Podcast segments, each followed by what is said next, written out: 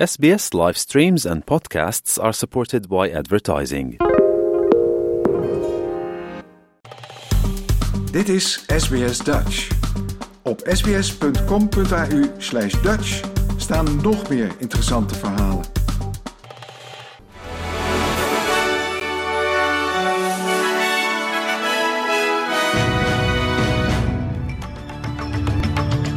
Dit is de SBS Nieuwsflits van woensdag 1 november. Mijn naam is Paulien Roesink.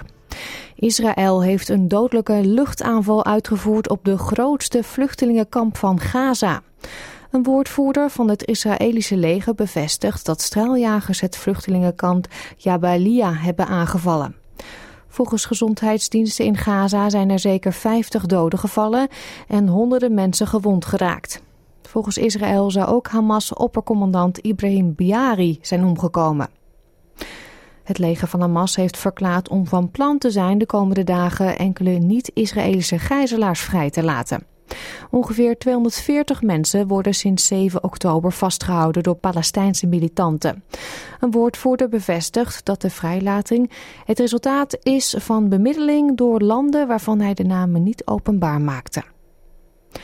In het zuiden van Queensland hebben inwoners van Delvine, The Glen, Silverwood en Cherry Gully het advies gekregen om onmiddellijk te evacueren vanwege hevige bosbranden. De brandweer heeft zijn handen ook vol aan een bosbrand in Tara, ten westen van Brisbane.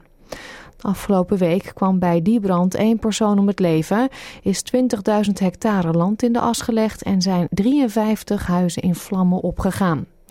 De schade in Queensland is hiermee groter dan tijdens de Black Summer branden in 2019. In het noorden van New South Wales worden mensen gewaarschuwd om waakzaam te blijven. In Tenterfield, ongeveer 15 kilometer ten zuiden van de grens met Queensland, was de brandweer gisteren met mannenmacht bezig om zeven branden op verschillende plekken rondom de stad te blussen. Vanaf vandaag geldt een nieuwe Medicare Benefit Schedule, waardoor huisartsen meer geld kunnen claimen bij de federale overheid voor het bulkbillen van jonge ouderen en concessiekaarthouders. Het federale hof hervat vandaag de hoorzittingen in een zaak die is aangespannen door een traditionele landeigenaar op de Tiwi-eilanden. Die wil voorkomen dat mijnbouwbedrijf Santos een onderwater gaspijpleiding in het gebied mag aanleggen.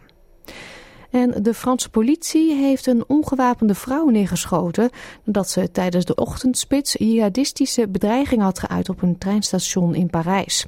Omstanders waarschuwden de politie voor de 38-jarige volledig gesluierde vrouw die met de trein reisde. De politie isoleerde haar op een station waar ze zich naar verluid weigerde bevelen op te volgen en dreigde zichzelf op te blazen. Tot zover deze nieuwsflits. Volg de SBS Dutch podcast voor meer nieuws en achtergronden of bezoek onze website www.sbs.com.au Dutch.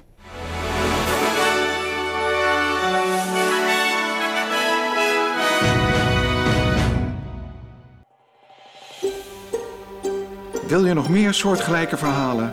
Luister via Apple Podcasts, Google Podcasts, Spotify of waar je je podcasts dan ook vandaan haalt.